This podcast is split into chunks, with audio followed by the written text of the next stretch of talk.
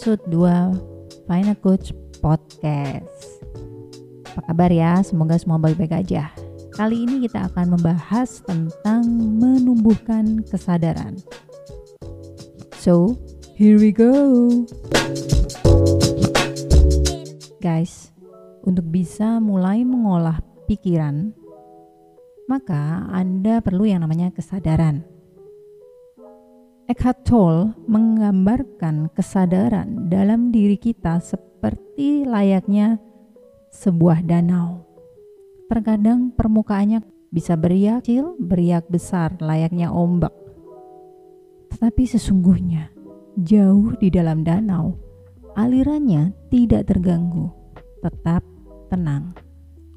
My friend, kita manusia adalah seluruh danau bukan hanya permukaan danau.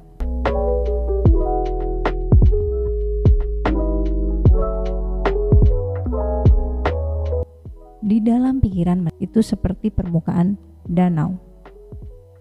Bisa saja di permukaan itu ada kebisingan dan kekacauan.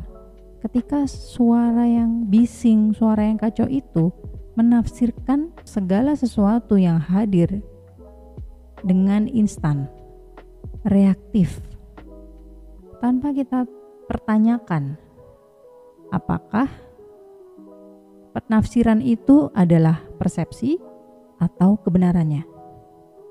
Sama seperti saat kita sedang bernafas, kita sering tidak mempertanyakan, bahkan kita tidak sadar bahwa kita sedang bernafas. It just happened without us knowing at all isn't it?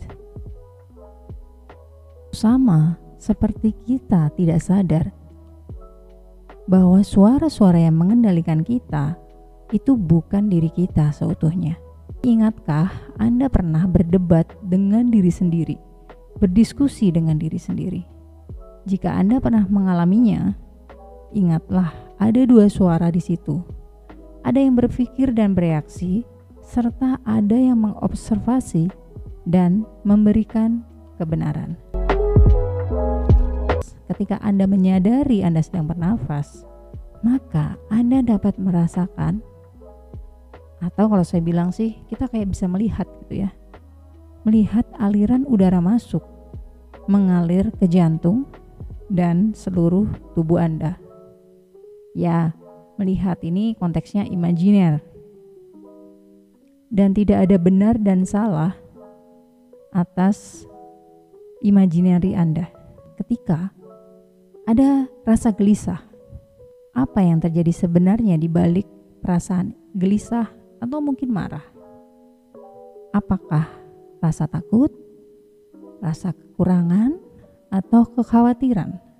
Sehingga kata-kata yang keluar atas kegelisahan itu menjadi sesuatu yang bukan Anda inginkan. Well, saya tahu ini bahasannya cukup berat ya. Tapi saat Anda mampu mengobservasi yang sedang Anda pikirkan dan Anda rasakan, di situlah pintu menuju kesadaran diri. Lalu apa gunanya Nat kalau kita sudah sadar? My friend, Anda kan bilang, gimana caranya merubah kehidupan kita? Itu dimulai dari merubah respon kita, mengurangi reaksi, menjadi observasi. Apa yang terjadi adalah perubahan baru dapat dilaksanakan saat Anda menyadari ada yang perlu untuk dirubah. Saat Anda sadar, oh ini ada dirubah nih, ini harusnya nggak seperti ini nih saya. Di situlah Anda bisa memilih emosi atau perasaan yang baik dan berujung menjadi keputusan yang lebih baik, perilaku lebih baik perilaku yang lebih baik akan menghadirkan kehidupan yang lebih baik.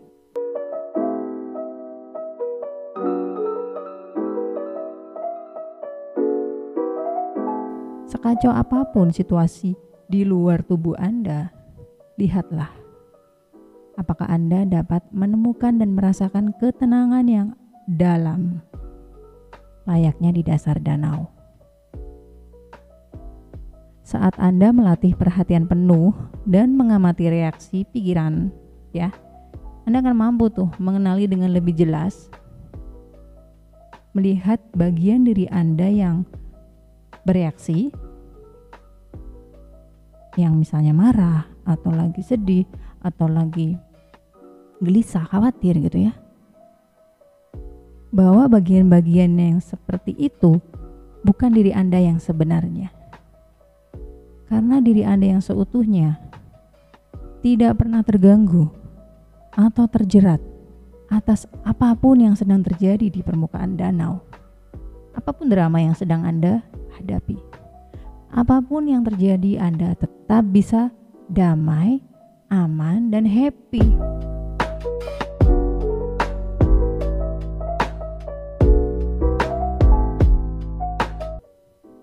Tidak peduli apa yang sedang diberikan kehidupan ini pada diri kita.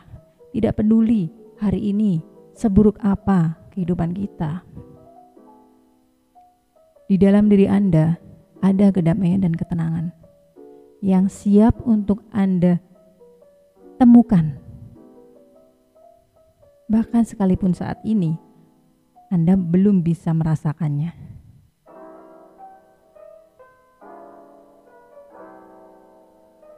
Saat Anda sudah mulai bisa menemukan kesadaran diri, Anda akan mulai memahami apa sih yang menarik untuk dilakukan oleh kesadaran itu. Anda akan melihat Anda mulai berperilaku dengan selaras terhadap tujuan Anda dan nilai-nilai Anda. Anda akan bisa melihat juga bagaimana Anda tersenyum meskipun Anda sedang sedih, dan mengapa Anda mengatakan baik-baik saja meskipun Anda tidak baik-baik saja. Dan mungkin Anda sedang berpura-pura marah. Tetapi sebenarnya Anda tidak marah. Mungkin karena pada saat itu kita sedang berusaha mempengaruhi perilaku orang lain atau ada pemikiran negatif dari diri Anda sendiri.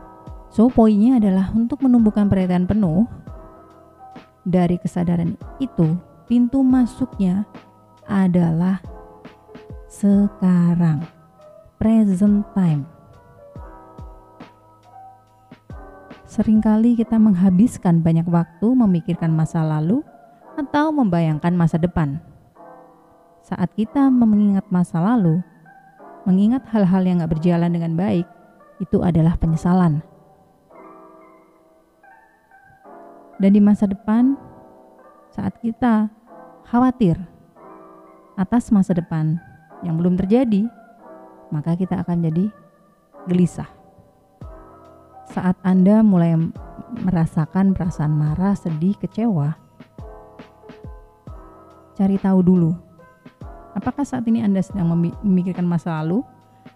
Apakah kita sedang khawatirkan masa depan?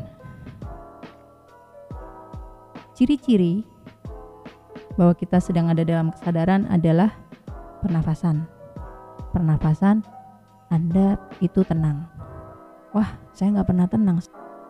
Misalnya nih ya, kita merasakan uh, penyesalan gitu ya. Wah, wah tadi itu ternyata saya bereaksi, saya tuh udah nggak sadar. It's okay.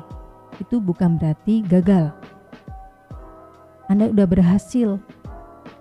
Anda bisa menyadari anda sedang melenceng dari rencana Anda. Anda sedang melenceng untuk dari kesadaran Anda. Maka tinggal kita latih agar pada saat situasi terjadi, situasi yang muncul di hadapan kita terjadi, kita bisa memilih respon yang terbaik. So high five buat diri Anda. You should proud of you. Anda ingin perubahan dan kesadaran itu ingin ditemukan oleh Anda. Oleh karena itu, Anda adalah orang yang bertanggung jawab untuk mengembangkan kesadaran ini agar kehidupan Anda menjadi lebih baik. Dan selamat berlatih. I see you when I see you. Bye bye.